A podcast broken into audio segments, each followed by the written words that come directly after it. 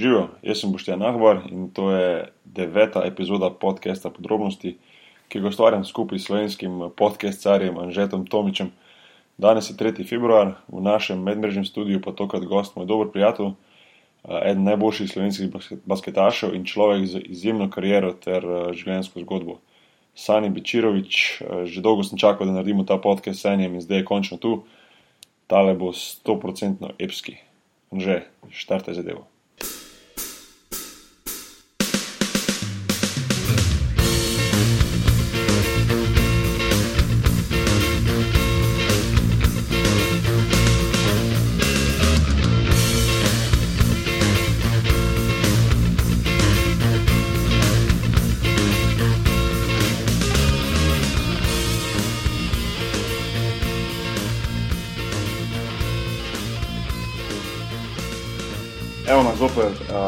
Deveta oddaja, podrobnosti, deveti podcast. Um, Anže, kje si? Ja, jaz sem na šihtu, presenetljivo. Uh, nisi zmrznil čist. Uh, ne, ne se, se da preživeti, čeprav zdaj, zdaj, zdaj vsi vemo, kaj je žled v Sloveniji. Jaz sem tudi, mogoče prvi zdaj na neto videl, da se masivno uporablja ta beseda. Sploh nisem prej, uh, mislim, vedel sem približno, kaj je to normalno, ampak da bi pa zdaj vsaka druga beseda, vsak rekel žled, žled, žled, to je pa zdaj. Če bi dal hashtag na Twitter, bi bila to najbolj vroča beseda, verjetno. Skoraj zihar. Ja. Pa zdaj ja. sem zvedel, kako, kako deluje to. Pač, če če slišiš mojo kvazi znanstveno. Prosim, da mi tvojo kvazi znanstveno razlago. Kao, pada sneg, sneg ali pa leden dež pada in potem pride vmes na nek, v območje toplega zraka in se stopi. Ne? Potem pada naprej ta voda in, pade, in že spet pade v pač, uh, območje mrzlega zraka. In ne zmrzne, ampak je neko tako super hladno stanje, ampak ne zmrzne, ker se nima ničesar za oprijetne. In polka pade pa na tla, pa takoj, ko se nečesa dotakne, sam frizne. Pač. In ja. zaradi zar tega pol te skorje žlela nastajajo. Če karkoli tega ni res, nisem jaz kriv, jaz sem to sem slišal. Samo daš disclaimer, ne preverjene informacije. ja, ja, jaz nisem doktor, ja. sem to rekel. ne, samo, koliko res vidim, je pa res orang, orang sranje, no?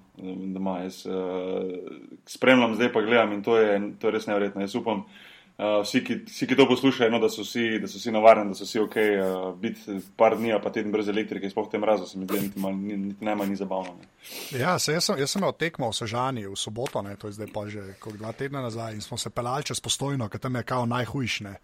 In, in res ni smešen. Pač, res to, jaz to še nisem mm, videl v live. Mm, pač mm. To, kaj enega ledu, pa drevja po tleh, res bolano je. Pač. Tako, da, ja. upam, upam, da, so, da, da bo vsi ljudje ok, da, res, da ne bo to kakih mislim, trajne posledice bojo, samo da ne bo, da ne bo to kaj takega, kar bi resno koga prizadelo. Pa, ja, itak, ja. Ker to ni to, to pa več pa ni zabavno. A ja, sem pa videl nekaj, da sta bila dva risa danes ušla ven iz. iz ne, nista, mislim, da ne vem, če sta ušla.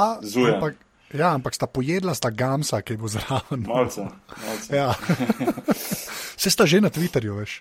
Sta, e, nekaj sem videl, kaj je to, do, kaj je to fora, nekaj zdaj. Ja, nek zabanski Twitter, ja, Twitter account, nekaj risa, risa iz podrožnika, nekaj, ne, nekaj zabanski. Um, ja. Ampak neč, um, rad bi rekel hvala vsem tistim, ki ste poslušali do, do zdaj uh, nine, nine podcast, um, ki ste komentirali, um, dali pohvale, konc koncev tudi kritike. Uh, sem zelo vesel vsega tega slišati. Prek Twitterja smo, smo najbolj aktivni, tako jaz in že in z veseljem odgovorimo na na vse te tvite, glede, glede te naj, tega najnega podcasta. Um, mogoče, Anže, beseda dve o aparatu, novi internetni strani, ki zdaj ni več tako nova, ampak vseeno, niste, niste reči kot dva tedna. Recimo, ja. Ja, gorje, ne, ni še ja. čisto zmerno. ja, ja ampak ni, ni še čisto vse tako, kot bi hotel, ne? ampak ja, z, vsa, z vsakim dnem je bolj popolna, bi jaz rekel. Mm -hmm. tako, da, ja.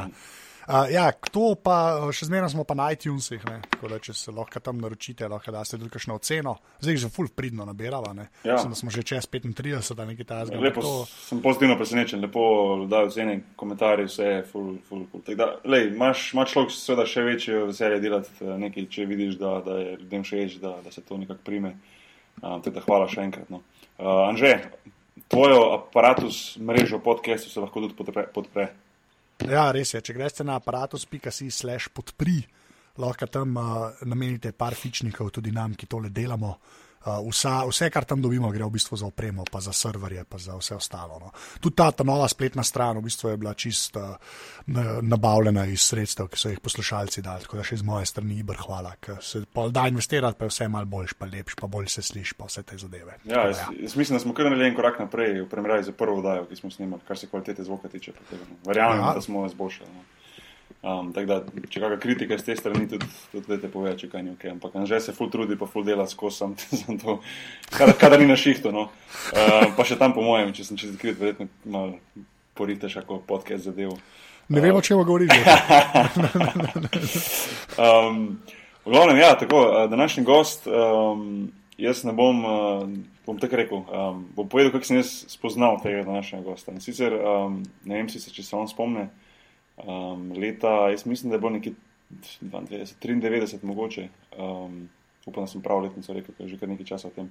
Sem jaz bil na, na poletnem košarkarskem kampu uh, v Portorožu, košarkarskem kampu Jureta Zdovca, ja. uh, današnjega selektorja. Zanimivo, kako smo vsi nekako prepleteni. Ampak, no, glavno, jaz sem bil na tem kampu in um, jaz sem, pa to ne, da bi zaradi njega jaz nekaj karkoli govoril, pa ker smo prijatelji, pa tako naprej. Ampak, Imam res se spomine, ko nekako ti ostane spomin, da, da se spomnim enega fanta, ki je bil nevrjetno dober za žogo, ki je zelo vlado žogo. In jaz sem rekel, sam sebi, je bilo dobro biti friend s tem, kolega, s tem, ko že kašemo, veš. In uh, se spomnim po enem treningu, se sosedem, uh, prav spomnim se točno tega momenta. Jaz sosedem na strani igrišča, na enem betonskem igrišču, sedim z njim in ga vprašam, uh, kako ti je ime. Pa reče on, jaz sem pa Sani. Um, pa jaz rečem, ja, Sani, sem rekel to pa jih ni mogoče najbolj tipično slovensko, jaz sem si mislil, ne prav, recimo. In pa se neko, skje pa si ti sani in sani, koliko je on prebrisan, navihan, ima vedno nekaj enoforo v rokavu, on mi reče, jaz sem pa iz Londona. In jaz sem cel teden na tistem kampu mislil, da je ta Sani iz Londona. Jaz sem mislil, da je Sani, a veš kao, in to je car, on je iz Londona, on zna angliško jezik, ker ful dobro, jaz sem pač mi njegov najboljši kolega. Ne. Na kar sem jaz pa zvedel, no, da je to fanti slovenske bistrice in da ima desetkrat več pojma kot v basketu, tako pa jaz. Ne. In um, da, kasneje smo pa, pa tudi postala soigravca um, v mlajših kategorijah, reprezentanci in tako naprej. In sem izverjal, da smo se drug od drugega tudi učili uh, postajala bolj, boljša košarkaša, tudi zaradi tega, ker sem imela priložnost igrati z enim drugim. Da, um, without further ado, tako reče Sani Bičirovič, si tu. Dobro večer, sem skupaj, tu sem Boki. Komaj sem se zadrževal, zato veš, da ne, da ne ja. bruhnem v smeh ob eh, tej ja. anekdoti in spoznavanju. A se ti spomniš tega še? Se spomnim, ja, na eh. stopnicah, ko je bila pauza, ne ja. vem, kaj smo že pili tisto pijačko, si stopil k meni. Ja. Ja. Ja, uh, kaj se devita, sigurno, kaj takega. Nekaj takega je bilo, ja, ali pa kakšen ja, domač ja. malinovci zmešan, pa so prodajali za vitamine. ja, tako je. Volimo to, verjetno. Ej, uh, Sani, koliko si pa ti bil pri Smajatu? Pač, jo, jaz mislim, da sem dvakrat bil če se ne motim. Ka mislim, da mi dva so se enkrat križali. Tudi možno. Viš, jaz sem tako podobno zgodbo imam za, za ožija, ne, boki, ker jaz sem pa skozi ja, ja, ja, oži ja, italijani, ja, ja. strsta, ne, za stovi. ja, ka on je takrat, ožbol te takrat kar uletavil, skozi nek Sašo iz ja, Portoroža. Ja, no, ja, ja, ja. On je prišel, pa ima šov, pa tako, ja. ja. Ja, ja, ja. No, viš, takrat sva se, mislim, da mi dva križala. Sem ti si, kaj ti si, kjer je? 81 let. E, jaz sem pa 83, tako da ja, se nismo več skupaj trenirali. To je bilo to. ja, ja tako so bili zlati časi. Ja. Ne, neverjetno, neverjetno dober kamp, eh, dobra generacija, pa na koncu koncu dobra zabava, to, kar basket mora biti. Seveda, ja, tam vas je bilo kar ene par teh, ki ste pol proper igrali. Ne? Ja, na, pa, teh, pa... na teh kampih, no, eh, ne samo sam na, na zdolčen, tudi Vilfan ima svoj kamp, oziroma ga še ima. Um, in, in tu smo se v bistvu prvič v bistvu spoznavali med sabo, ker uh, Eh, vse, ko si star 11, 12, 13, takrat še ni nekaj reprezentančnih akcij. Nekaj, ne? In, in tudi, še nekoga spoznati slovenske biserce, pa jaz sem bil zdrav grada, pa recimo uh, Sašo, če Ožbol, če je bil iz Primorske, pa tako naprej. Veš, to, se, to so bili nekakšni prvi kontakti, ko smo sploh zvedeli drug za drugega. Ne? Za sanje prej nisem vedel, pa sem ga tam spoznal in pol, lej, ki je on danes, recimo, veš, in kam, kam vse smo prišli. Tak da, tako, ja. Ful, ful lepi spominji, ful lepi spominji na to. No? Um, Zdaj sem prav šparil to anegdoto, se nekaj to bom pa zdaj prav povedal. Pa ne si videl, da se spomniš. Ne, ne, se spomniš, sem glik, sem glik, ne razmišljal, če bo šel v tej smeri. Ali pa če, ne vem, rekel, smo se že prej eh, srečali, pa spoznala, sam nismo, nismo, ne, ne, tam je bilo prvič, ja. Jaz sem sicer slišal ja. za nekega Pink Panthera iz Zdravo grada dolgega, ne. Glede na to, da jaz mrežice, mrežice še dan danes ne morem pipniti, ne je bilo slavo, res, da spoznavam tega, ko skače, ne.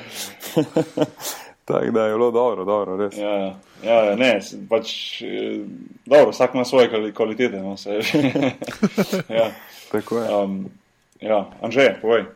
Ja, saj, dej, ti malo povej, kako si ti začel z basketom. Zdaj smo slišali že od Brezca, pod Boki. Okay. Pa še ti povej, kje, kje si, pa zakaj. Ta, ta je bolj zanimiva, zakaj je basket. Glih? Ne, pri meni je stvar ful. Uh, uh, v bistvu zanimiva, zato ker uh, jaz sem tako kot vsi uh, bistričani nekako začel z judom. Valjda ja, normalno. Valjda normalno, res. Judo klub in pol, pa to. Pa. Še dan danes je to en, bom rekel, simbol bistrice, ampak ker sem pa pri, mislim, da sedmih letih. Uh, zbolel uh, za hepatitisom B in sem potem, potem prišel iz bolnice, oziroma s časom z 15 kili viška je nekako težko bilo metati z 5-6 let starejšimi fanti od sebe, ker so me premetavali ko vrečo. In, me, ker je pa že memi takrat bil trener dejansko vseh selekcij. V slovenski bistrici, od pionirjev, kadetov, ženske, članice, ne vem, člani. Uh, Uh, in sem dejansko celo popoldne preživel z njim v dvorani, v bistriški dvorani, in sem se nekako pol čistko navdušil sam za basket z njim.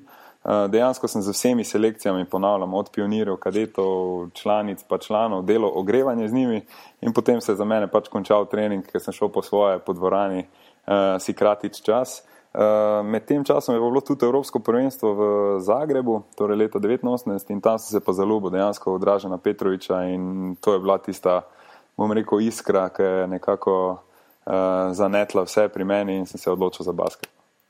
A pol tudi Dražen je un. Ja, ja, ja Dražen ja, ja. je idol, uh, tako brez konkurence. Ne. Pol je še nekako bil Magic Johnson. Uh, tam malo naprej v karieri, ampak dejansko, če sem koga posnemal, oziroma celo, celo kariero težil k temu, da bi bil nekome podoben, se približal, potem je to sigurno Dražen Petrovič. Ja, s tem Draženom je sploh una, ker on je zadnjo tekmo je glik pod Sloveniji igral. Tako ne? je, ja. Ja, ki je bila tista, to, to mi je pa Roman Horvat govoril, pa ki so ga špilali. Je rekel, da je bilo čisto uvir, ki so ga videli še, veš, tako pač. Ja, ja. Pa so šli pa vsi na avion, on je šel pa za avto. nazaj, tako je. Ja, ti si bilo res, ena večjih tragedij basketa v, v jugi, po moje. Pač. Ja, tisti ste bili res, tisti ste bili res tak šok. Uh, se mi zdi, da se vsak, vsak je bil nekako še kaže, da se spomnim tistega momenta, ko je, ko je zvedel za to. Jaz sem, da sem bil čisto šokiran. Točno to. Uh, jaz sem bil, malo si, mislim, taka leta se še, da, da sem mogoče. Uh, ne, ne dojema še ene stvari, meni je bilo ni jasno, kako se enkrat dražen ni več. On je bil, tak, on je bil res tako uh, neuničljiv, on je bil, ne, veš, mislim, on je bil taka, taka zvezda, tak bog, da, da kar naenkrat dražen je umrl.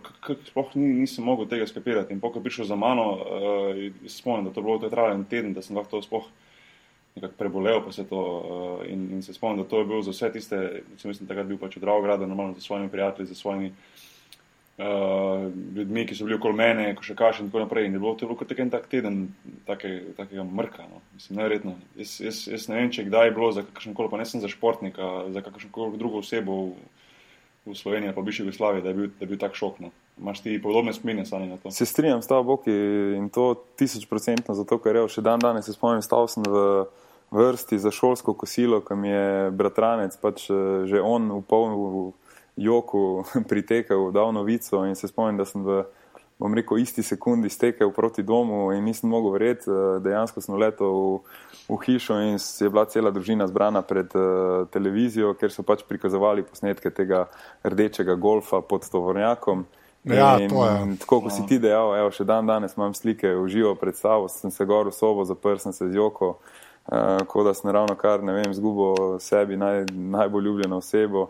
Uh, in ja, čist, bom rekel, dejansko sem enako preživel teden kot ti, Boki, torej nekako zgubljen z mislimi vedno pri njemu, kako je to mogoče, če pa tak delavc, tak igralec, tak uh, človek na konc koncu, ker uh, naenkrat ga ni. Uh, tako da, ja, definitivno ena večjih uh, tragedij. No.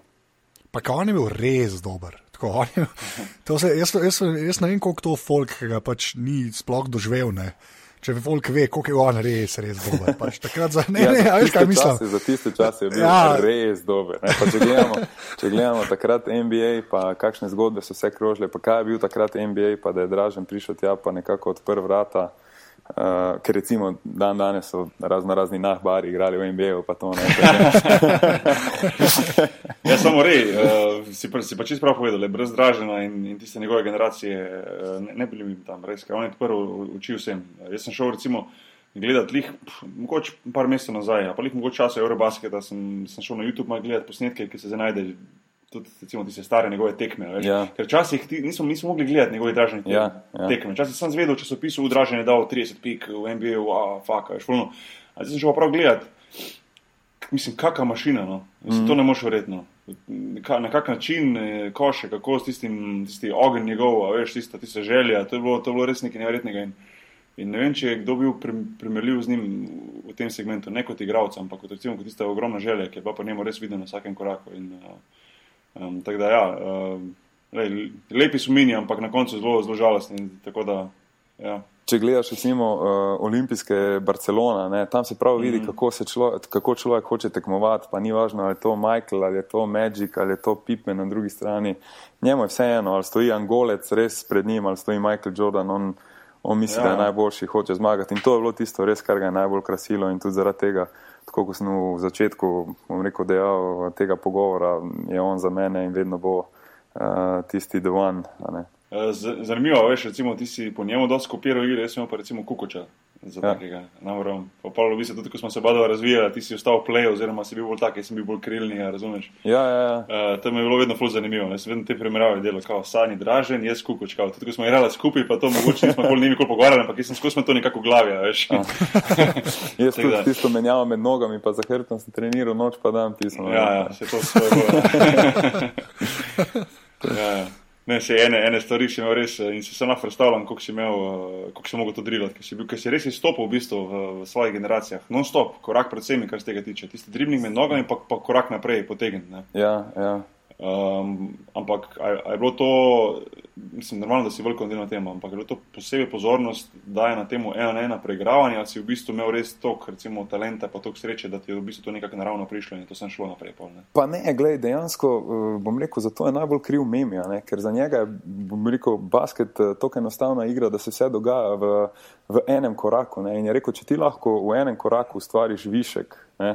Uh, po si zmagal, rekel, po te itak noben ne, ne more čuvati, plus tega pa se veš, ko sem jaz bil mlajši, sem bil malo bolj okrogel, pa malo bolj počasen, če sem mogel 30 metrov leteti, ne? če pa je to ja, en korak, pa sem gledal vse od sebe, me zastopiš. Se to, se to, v enem koraku pa lahko dosežem nekaj. Ne? In, uh, po smo začela drilati, gled, jaz sem, jaz sem recimo tudi v tem sem dražena po, po, posnel, ne? imam zelo dobrega prijatelja, Jureta Himelajha iz Slovenske bistrice. Uh, ki je tudi, uh, bom rekel, bil košarkarski, oziroma še en dan danes košarkarski navdušenec in z njim smo, bom rekel, vsako jutro pred šolo smo nekako na igrišču se dobila, on mi je vračal žoge, jaz sem šutiral, igrala smo doskrat ena na ena no, uh, in se potem odpravila v šolo ali pa ob vsakem velikem odmoru zopet nadaljevala s tem mojim nekim, pa niti ne treningom, ker je itak bila to za nas vse igra. Uh, Dočim popovdne so pa bili samo stoli, na vrsti stoli, pa drill, pa drill, pa drill. Pa spomnim se, sto milijonov krat sem preklel tiste stole, ker sem s kolenom butnil v stol, ker je meni skozi težil bliže stolu, bliže stolu, kaj se bojiš kontakta, se ti ne bo stol nič naredil. In, no, in od tam je ostala tista, bom rekel, eksplozivnost. Pa, Pa ta nek ritem, ne, ker dejansko, ko jaz, ko igram, prav moram čutiti ritem in v tistem ritmu lahko tudi bom rekel, naredim ta tisti hiter prvi korak ali karkoli. Je pa definitivno to bil drill, drill, drill, drill, drill. Eh, pa ne samo uh, basket drill, ampak tudi bom, atletske sposobnosti, ker tako sem ti prej dejal, se veš, da uh, nisem bil glih ravno znan po svoji atletiki. Ne, ne se je toliko, uh, lej, pa nočem te zdaj kaj, karkoli, da, da te prizadeti, hočem da bo iz fora reči, ampak res si bil tak, ne bom rekel, si bil budsko, ampak malo si ličijo na budsko. Glisni ja. na meji, ne tisto, elegantno ja, sem bil ja, popoln. Ja, ja, ja. Pa ja, glisni nisi mogel reči še budsko. Ne, ne točno to, točno to. Ej, imam, veš, imam doma še posneto eno staro tekmo, ko smo igrali, jaz sem igral za Maribor Branik, tipa za Bistrico. Uh, imamo tiste plave, plave majice, imam jaz tudi doma, imamo mi ja, tiste plave majice. Povejte, kot tebe dobo je to nekako pred, pred, ja, pred ja, časom ja. že, ampak to so take, to so take spomini, po mojem, čez, zdaj še ne, budemo še en deset let počakati, pa lepo deset let. Ja. Pa ene, če obči že vržemo, pa pogledamo to lepo. Se strinjam, Boki. Ja. Um, sem, ej, Sani, kaj sem te hotel še vprašati? Glih to, kaj pač, je Bog rekel, ki si bil bolj enka, ne, oziroma če ta klasičen beg. Ampak ti si, kot se jaz spomnim, ti si dosti hiter pršel pr čla, članom zraven, ne? Ja, jaz sem gledal, dejansko sem z 12 leti že za slovensko bistrico začel takrat uh, igrati člansko ne, ligo. Ja. Uh, ne vem, pa že takrat so bili vem, vsi ti bivši igravci z vsemi žalbami namazani. Jaz mislim, da je bila to tisto, bom rekel, ena boljših stvari za mene, ker sem se dejansko v 12. letu starosti uh, nekako uh, spoznal, kaj pomeni svet. Uh, Profesionalizma, zato ker to so bili vsi bivši igravci, velika imena, veliki egoti in zdaj prihaja tu nek mulo, uh, ki je kao talent, ki bi kao ne, naj bil dober. In so me, ti povem, tako so me premlatili na vsaki tekmi, da sem se hodil domov jokat, ker sem rekel, to je neverjetno, kako ti igrajo, umazano, pa sem pa ti, ampak po drugi strani pa, pa sam vem, kam je to pol pomenilo, ker sem uh, nastopal za svojo generacijo ali pa ne vem, mladince, starejše in tako dalje. Tako da ja. Uh, začel sem z 12 leti, z 15 sem pa potem že podpisal za, za Laško in z 16, praktično 15 na 16, igral uh, slovensko ligo in pa kaj je bil takrat Saporta kup. Ne? Ja, uh, proti ne vem, uh, razno raznim Ibrahim Kutlajom, pa Konrad Mekrejom, pa takšnim ne, ja, igralcem. Ja. Tako da je bilo, ja, ja, jaz sem kar hitro nekako spoznal ta svet. To je zdaj za ta čas, se mi zdi skoraj nepredstavljivo, da bi v bistvu 16-letniki igrali proti takim, takim legendam. Zdaj smo imeli tak, smo pa noter v tak, tak nekak, tak del, oziroma tak, kako bi rekel, tak obdobje, ne, tako. Ja, obdobje da v bistvu je bilo nekako to možno, veš, da, da, da, smo, da smo bili mladi, ok, mogo si biti dovolj dober, mogo si nekaj pokazati normalno, ampak da so bili ti naši klubi. Slovenski, veš, na, na teh nivojih, da so igrali, da so imeli dotik s to Evropo, da smo te mlajši lahko dobivali že dosti te, te priložnosti. Poglej, se strinjam, uh, se strinjam do neke mere s tabo, uh, torej, da smo padli v neko obdobje, kjer je slovenska košarka bila full v razcvetu, pa se je full vlagalo, zato ker se je delalo predtem. Ampak Aha. po drugi strani pa oba dva vema, da v športu ni starih pa mladih, so sam dobri pa slabi. In recimo, evo, zadnji primer je ta, si, si bil samo v Benetonu, pa si dobil takoj priliko v Benetonu, zato ker si dober. Za ta bo je dobil Barnjani, ker je dober. Recimo en Galinari v Milano, isto z 19 leti, noso Milano na svojem hrbtu. Ne? Tako da, um, po mojem mnenju je bolj to, če imaš to v sebi, če imaš to kvaliteto, te bojo prej ali slej porinili v spredje. Je pa ena stvar sigurna, recimo jaz sem takrat imel srečo, da sem prišel k Ališu Pipanu, ki je v meni prepoznal ta talent, videl, da pač uh, mi lahko zaupa, ker sem ne na zadnje tudi res uh, treniral kot zmaj in vse podredil temu, da bi bil čim prej uspešen na članskem nivoju. Ne. Ja, ne, se tudi jaz sem šel v Laško, tudi zaradi tega, ker sem tebe videl, da, teb, da tebi ali Facebook pomagal in to je bil moj razlog, glavni razlog, zakaj sem jaz mislim, da leto kasneje, ko si bil v Olimpiji. Ja, ko si šel v Olimpijo, si šel ti tja, točno. Um, točno. Tega, tudi, tudi, to mi je zelo pomagalo, pa tudi tista, tista ekipa, oziroma tista, tista banda, tam Tisto... so bili, uh, so se nekako hitro postavili na realna tla in, in uh, se spomnim prav, da, da na, na treningi so bili to trdi pretepi, na tekmi te so te pa zaščitili. Uh, točno to. To. In to ti je dalo full, full uh, samozavesti. Jaz ne bom pozabil nikoli, recimo iz Laškega, ena taka mini anekdota, že med sezono mi igramo tudi to. Igrali smo Euroligo tisto leto in smo igrali proti eni turški ekipi, sam se ne morem spomniti proti kom, ker pravim, da smo bili v tisti Abdi Pekči dvorani v Istanbulu, smo imeli trening, predem tekmo. Ja. In jaz suno imam zelo dobro sezono, veš, 19 let star, igram Euroligo, sem tja na treningu, dan pred tekmo, veš, kaj grašiš za njihove akcije, ja. tako sem tja, ne. In jaz da meni, ne vem, 8-10 pik zapored, igramo gol dol, ne.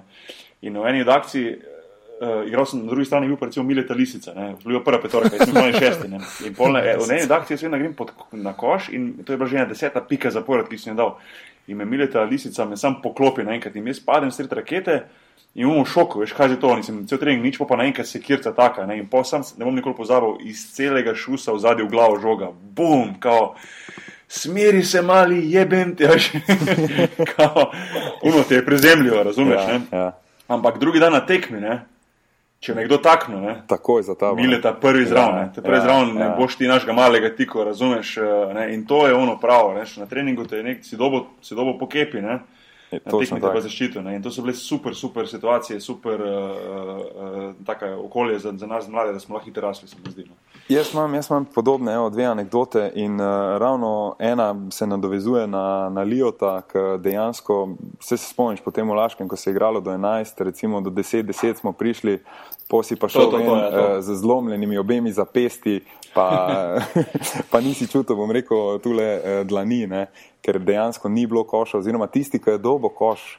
Pa to so ga vseh uh, njegovih štiri soigralcev, pa še nas, nasprotnih pet so se norčevali z njega, no to so se malo drli. Ne? Tako da jaz mislim, da smo imeli ful srečo, da smo bili v takem zmagovalnem okolju, ker se je že na treningu uh, šlo do krvi in, in si nekako ne vede rasto v, v, v takem zmagovalni mentaliteti. Ne? Ja. Druga stvar je pa bila, m, igramo z Vroclavom doma, se spomnim, uh, to je moje prvo leto, ko je še bil Matjaš Tovornik. In uh, za meni, sicer sem to nekdo to sparo za knjigo, ne, ampak naj vam bo, ajde, kaj se mi eh, igramo in zdaj jaz igram playa in Digl se odkriva, recimo klasična akcija, ono izbiranje ne izpod koša, recimo two down in zdaj se on odkrije na eni strani, jaz valjda kot eh, mladi, talentirani, moram pokazati repertoar tehnike, ne, tako en dribling, dva driblinga, trije driblingi preveč, on že prije ven iz bloka, jaz mu podam, ne, eh, valjda ga takoj pokrijejo, mi vrne žogo nazaj, ne vem, neki prekinitev, prije on do mene pa pravi, pa si normalen, ti moraš meni podati eno sekundo preden sem jaz iz bloka, vem, če ne me takoj pokrijejo, pa ne, morem, ne morem šutniti.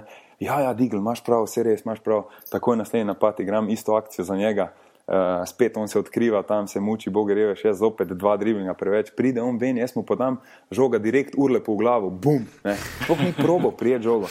Je rekel, ti ja ti imate na mali, tem že jaz naučil podati, tem že dal jaz timing. Takoj me ali zamenja, sem rekel, kaj zdaj to, kaj si podal, sem rekel, če on ni ujel, on je rekel, ne, ne, se tem jaz naučil podajati, kaj se pomeni to predidevanje. Ne. In eto, res ena taka dobra šola, da sem se pol res naučil vsem tem streljcem in njemu in golju tu uh, bom rekel, čitati obrambo in pravočasno in devati žoge, da so potem lahko uh, dosegali koše. Ne. ne, se pravi, to so bile res taka, taka dobra obdobja za nas. In, uh, zdaj se ne vem, kako se to dogaja v slovenski košarki, pa, pa mogoče je to mogoče tema za, za, druge, za druge podcaste, pa za druge ljudi. Jaz, Se niti ne spuščam dolgo to, ampak samo upam, no, da imajo mladi možnost uh, iti skozi tako okolje, ker je fulkmeno. Sploh doma, ne, da nisi tu, da si doma, ne, da si doma, da čutiš to, to da domače okolje, da je to fulkmagane. Um, pol iz Laškega si šel naprej v Olimpijo, ne, tam je bilo verjetno prvič mogoče en tak, ena taka stopnička više, kar se tiče, um, pa ne bom rekel bolj profesionalne ekipe, ampak mogoče vseeno na nek način. No, je, le, je le bil en step up, kar se tiče uh, Laškega, ki je bilo tudi kvalitetna ekipa v tistem, tistem obdobju. No. Pa gled, glavna razlika je bila med tem, da v Laškem, tako si sam to občutil, pa dejal prej, je bolj šlo za neko družbo, druženje, familiarno odnos, kjer sta, ne vem, Lijo, pa Digl, bla, Ata, pa mama, vsi ostali smo pa bili zraven nekako ne, uh, pod njihovim okriljem tako sem se tudi počutil na igrišču. Kjer je bil Atom? Dajmo reči, da smo že takrat imeli, uh, bom rekel, smo bili naprej za to seksualno usmerjenost, ne, tako da smo bili odprti za vse. uh, v glavnem, ja, oba, oba dva sta bila liderja v naši skupini, oba dva sta nekako nas zaščitila in to se je potem poznalo tudi na parketu. Uh, recimo, ko pa to primerjam z Olimpijo, si pa imel samo enega, the one and only daddy, ne, big daddy, to je bil zmagal zmagal Sagadin. In, um, no, sam ne bi se zmagal, da je Big Daddy. Sam... big Daddy zine. no, in uh, tu sem pa prvič uh, spoznal, kaj pomeni to, uh, da košarka ni samo neka igra, pa veselje, ampak je. Uh, garanje, odrekanje in še enkrat samo uh, trening, garanje in tako dalje. Ne. Spomnim se, da sem uh, nekako peti dan klical domov, memija pa sem rekel, jaz sem naredil največjo napako mojega življenja, ker sem prišel sem, jaz ne morem koša dati, ne morem nič, ker sem tako utrujen, da še spat ne morem po noči. Mm. Uh, ampak po drugi strani pa vsi vemo, pač, da nas je zmago res pripravilo za tisto, kar te čaka po tem tujini. Uh, ko si enostavno res profi in uh, moraš v vsakem trenutku uh, dati maksimum, maksimuma od sebe, kajti ob tebi je deset igralcev, ki, ki isto samo čakajo na tisto priložnost, uh, da, da bo vzeli tvoje mesto ali pa izkoristili tvoj slab dan, tvoje minute. In, uh, jaz mislim, da v tistih časih ni bilo boljše šole, pa odskočne deske, kaj je bila uh, Olimpija takrat. Ne. Ja, ti se spomniš, recimo, svoje sezone v Olimpiji, se spomniš zaradi tega, dobro si to zdaj rekel. V prejšnjih klubih si nekako imel svoje pozicije, že ko si prišel v klub. Ja. V Olimpiji je bilo pa, uh, koliko je bilo mladih igralcev, tako zdaj, če nisi bil, ker drugi. Ker drugi, Sponem, tako. Jaz sem, jaz sem nekoliko pozabil, spodaj imamo mi trening, zgoraj v fitnessu, ti je bilo pa vsaj deset, isto starih, kot jaz, isto visokih, isto sposobnih, samo čakali so, veš, ono, samo roke si manjajo, pa prvi, ko bo odletel, je o mene, veš, in Točno to spomnim, to še taka, taka tovarna je bila tista. No, Točno to tovarna, če si, si, če nisi, ja. ajmo naslednji, če ja, ni naslednji, ja. ajmo še dva, gor, tako, tako si rekel, ker po mojem, tista fitness dvorana je bila kot neka kletka, ko so jih spuščali. Je dvignil tam Radim Janovič vrata, vum, sta že dva vletela noter. Ja, ja, ja. je, Ja, kaj smo to reči? Hoče reči, ko, ko, uh, kolosej. Ja, kolosej, ja, ja, veš, kolosej, samo veš, ne, ja, levo, ja. veš, novi levo pride, pa novi gladiator, polno, veš. točno tako, ne, točno ja. tako. Ja, sej, sem takrat, takrat je bila, veš, Olimpija B, ne, je bila kva, v prvi B ligi, ne, in oni so, ti so bila proper ekipa, ne. Ja, to je bilo top, to. takrat ne vem, vse so igrali, ja. Golemac, ne vem, Para, Modrič, eh, so takrat začeli, pa so pol šli neka naslovana, pa prišli nazaj. Pa mislim, gled, če govorimo o imenih, ki so takrat, ki smo bili vsi na kupu, ne, Ja, to je wow, ne, to je, to je mm. noro, no, o kakih imenih govorimo. Ker so pol vsi ja, več ali manj uh, naredili res uh, take prave karijere. Ja, se to, to je res, ker takrat se vas je bilo full.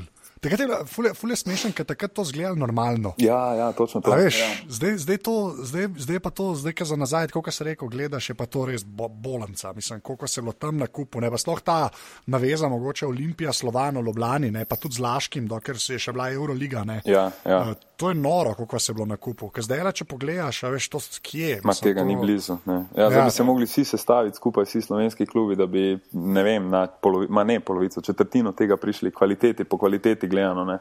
Ja, uh, kakšna je bila koncentracija kvalitete. Pa bom rekel, ne samo uh, Olimpija, ampak cela slovenska liga. Se ti si šel na Pavzelo, uh, pa sami vemo, kako je bilo vzdušje na Pavzeli. Pa si šel, ne vem, Sežano, pa ne glede, da ni bilo več breze tam, ne, uh, je Kraški še vedno bil ja, neugoden ja. nasprotnik. Uh, ne, pa domžale je bilo neugodno, pa domžale, pa Idrija je imela svoje leta. Točno to, ne. Težek, kamorkoli si šel, si igral dober basket, pa si se mogel res maksimalno angažirati. Ne, iz tekme v tekmo. Tak, tak da, ja. def, definitivno lepi cajti in pa sigurno uh, lepi časi za, za takrat za slovenski basket. Kaj pa recimo, ko si šel prvič iz tujine ven, uh, kak si, uh, kak si se recimo privadil, to si rabo dolgo, da si, da si prej, sem recimo rabo eno sezono nekje, recimo prvi leto Bentono sem se malo lovil, pa drugo sem recimo že igral in imel super sezono, tudi dobro, sem malo spremljal trenerja pa to, ampak Ampak vseeno, no. ti si pa že kar takoj začel igrati. No, gled, jaz, jaz sem imel v bistvu, uh, jaz sem imel full težko uh, prvo sezono, tisto, ki sem šel v megazvezdniško ekipo, uh, s tem, da sem jaz leto predtem pač eh, tej megazvezdniški ekipi nasul, ne vem, 27 v poprečju v tistih dveh ali treh tekmah, kar smo imeli kaj s Kinderom. Uh, Kje je poprečje, če to zdaj, če te gledaš nazaj, le 27 pik med proti Kinderju, ti si za sebi, pa koliko si ja, star, 20? 19 sem bil star, 19. ne 19. Ja, jaz sem tisto prvo leto, mislim, tisto drugo leto sem imel 20,4 poprečje v Euroligi, če se ne motim, pa skoraj 4 asistence. Ne. S tem, da sta pred mano bila Alfonso Ford, pokojni pa Igor Rakočevič. Ja, ja. uh, noro, noro, noro. Ampak ja, veš, uh, jaz sem prišel tja. Uh, in dejansko ekipa je že bila formirana, ekipa je leto predtem osvojila pač Euroligo in kar naenkrat sem postal 11. igralec. Ne. Sicer uh, ob vseh teh zvezdnikih, bom rekel, je bilo tudi nekako normalno, saj sem bil najmlajši, ampak uh, v moji glavi pa z mojim egotom je bilo to nespremljivo. Ne. Tako da prva tri meseca uh, sem imel res, mislim, najhujše obdobje v moji karieri. K temu je dosti pripomogel tudi Ettore Messina, ki kot sam veš je znam potem, da ima zelo rad mlade igralce. Ne? Nekako je to, reglih ni najbolj naklonjen mladim igralcem, ampak eh, se pravim, takrat sem na to gledal z drugačnimi očmi. Eh, danes ga do neke mere razumem, ker pač eh, je rezultat tisti, ki te drži na, na površju in sigurno ne moš razvijati ob tem še mlade igralce. Je pa mi se zelo zameril z eno stvarjo, zato ker mi je takrat prepovedal, da bi se na treningu z Matjažem uh, ki mi je itak ful pomagal, pogovarjala slovensko ne, in meni nič ni bilo jasno, on je govoril samo v italijanščini in tre, tretji trening mi je rekel, gledaj, nauči se italijansko čim prej, ker bo boljše zate, uh, mislim, bo boljše zame, definitivno bo boljše zate. Ne. In uh, od tretjega treninga dalje je govoril samo italijansko, pol so mi sicer prevajali te pomočniki, ampak to vsi vemo, da ni isto, če ti bom rekel, sprejmaš informacije iz druge roke, ko pa ti trener tam nekaj govori. Ne. Tako da, ja, ja, gledaj, ja. za mene uh, to prvo leto je bilo full peklensko, uh, Uh, Potem pa itak imel smolo s to poškodbo, ker sem pa drugo leto na, na pripravah uh, ful poškodoval gležen in posledično pol tudi koleno in potem se je odločil pač za to operacijo. Ne. Se kva, kva, a ti si, aha, potem si imel prvo kolen, pa pol, a, mislim, prvo gležen, pa pol kolen. Ja, gled, jaz, sem, jaz sem v bistvu uh, čistko tako kot smo meni razložili, oziroma takrat, kaj je bilo. Jaz sem rojen z neko genetsko deformacijo, torej, ker pa tela ni na mestu, ni v sredini, ampak je zamaknjen na full ven. In je bilo samo vprašanje časa, v bistvu, kdaj bo neka poškodba, ali je to gležna, ali je to vem, udarec v koleno, privedlo do tega. No, me, jaz sem že imel uh, v tej prvi sezoni, sem dobil en močen udarec, mi smo igrali z Regijo Calabrijo, se kot danes spomnim, pri njih tam in me je en si uh, igralec, me je tako napolno v koleno, v koleno, ampak ob strani ne, in meni je kar pogačico odneslo tako na stran. In, oh, ja, okay. ja, ja, ja, čist ja. ven. Ne. In jaz sem sam padel in vidim, da je to boš mogel zelo napisati graphic content. Ja. in vidim, koleno je ob strani, eh, fizioterapeut prileti mi jo nazaj odvrže. In, oh, in od takrat dalje pač konstantno problemi. Uh, po pa ista stvar se mi je pa zgodila z, z Kavolinijo, igramo doma, se mi zdi pol finale ali za tretje mesto, to pa zdaj točno ne vem. Uh, Uh, in mi je pa ta mali buker preletel pa v drugo koleno in ista, identična stvar. No. Potem so mi pa rekli, gledaj, ni še tako hudo, uh, da ti delaj celo poletje, probaj to jačati neko. Takrat sem potem najel Simona Rudeža, uh, da smo z njim, z legendo, celo poletje se mučila pa delala, ampak uh, bom rekel, škoda je že bila narejena, ker je to zletelo ven iz tistega mesta oziroma tisto malo, kaj so vezi držale. Uh, uh, se je zrahljalo in od tam dalje pa potem samo bolečina, otekanje kolen, bolečina, otekanje. No in pokor sem pa gležen zvil, se pa to še toliko bolj poslabšalo, da so pa rekli, gledaj, to moš operirati, ker če ne, ne vemo, če bo zdržal pač sezono do konca in ker si pač ti naša glavna investicija, glavni gradec, na katerem gradimo, mi stojimo za tavo. Ne? In jaz pač sem verjel vsem tem besedam, sem se operiral tudi pri enim najboljših zdravnikov v Italiji, torej dr. Leliju.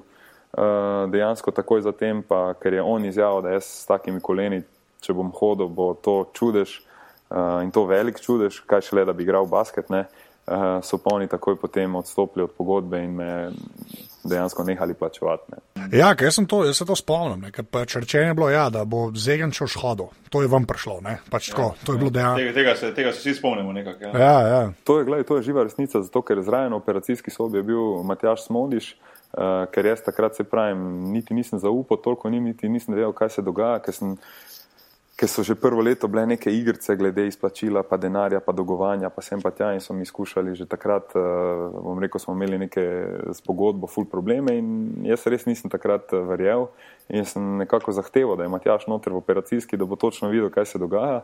In uh, no, se jaz upam, da boš v prihodnih oddajah tudi imel Matjaža, pa naj on potem ja, ja. pove, kako je to zgledalo. Ja, ja, pa res ne.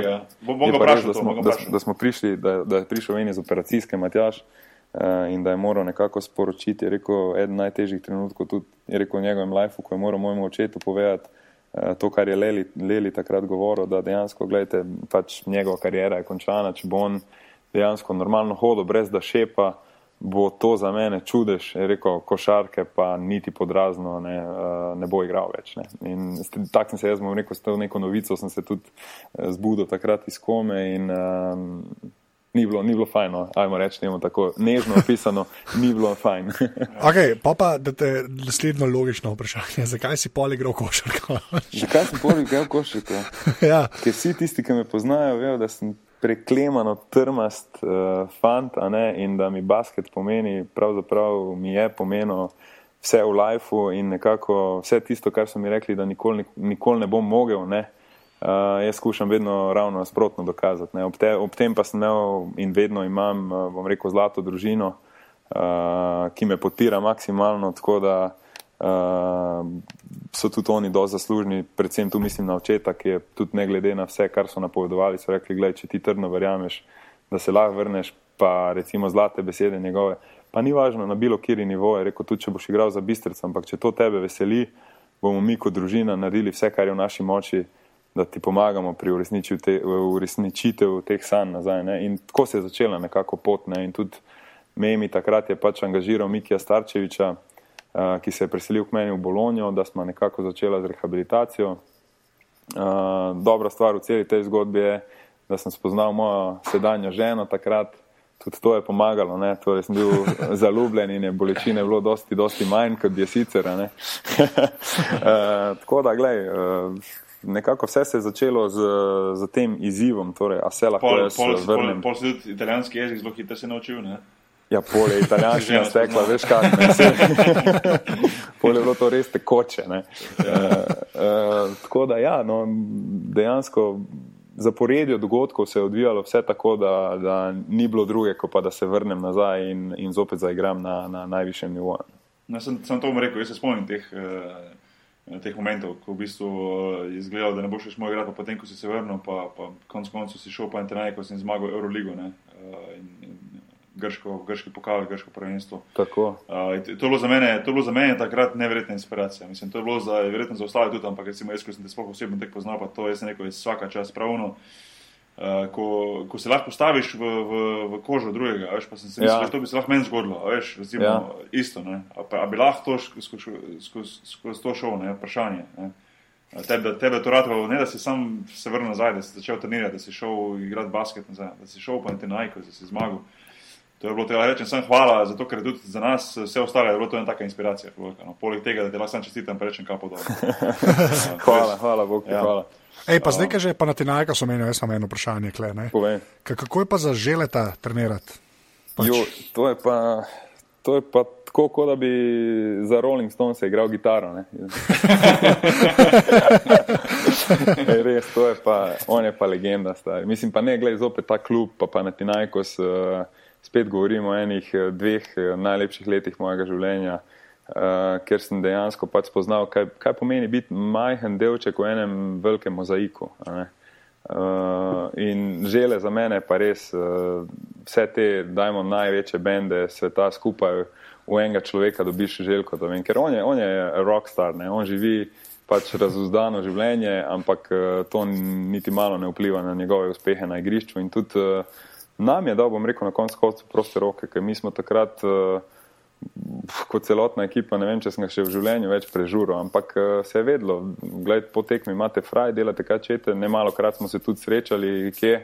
Ampak drugi dan zjutraj, drugi dan zjutraj ob desetih, ko te na črto postava, stari moj, si tak leto, kot še nikoli v življenju. Ne. Tako da vse gre eno z drugim. Uh, in je res, uh, recimo, razlika med njim in Etorem je ravno v tem, da on igralce nekako čuti. Ne. Ti ga spoštuješ iz nad duše, ampak se ga ne bojiš. Ne. Veš pa, da glej, ga moraš spoštovati v nulo.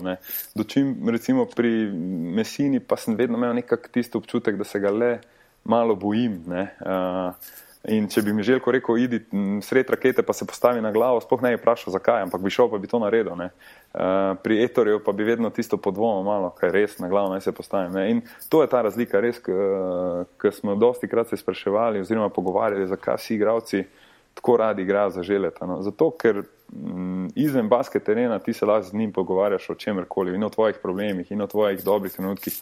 Uh, zopet imam anegdoto, recimo moj tam mali se je rodil v Atenah. In ko sem dobil sina, sem prišel do njega, pa sem rekel: Željko, gledaj, sina sem dobil. Ne.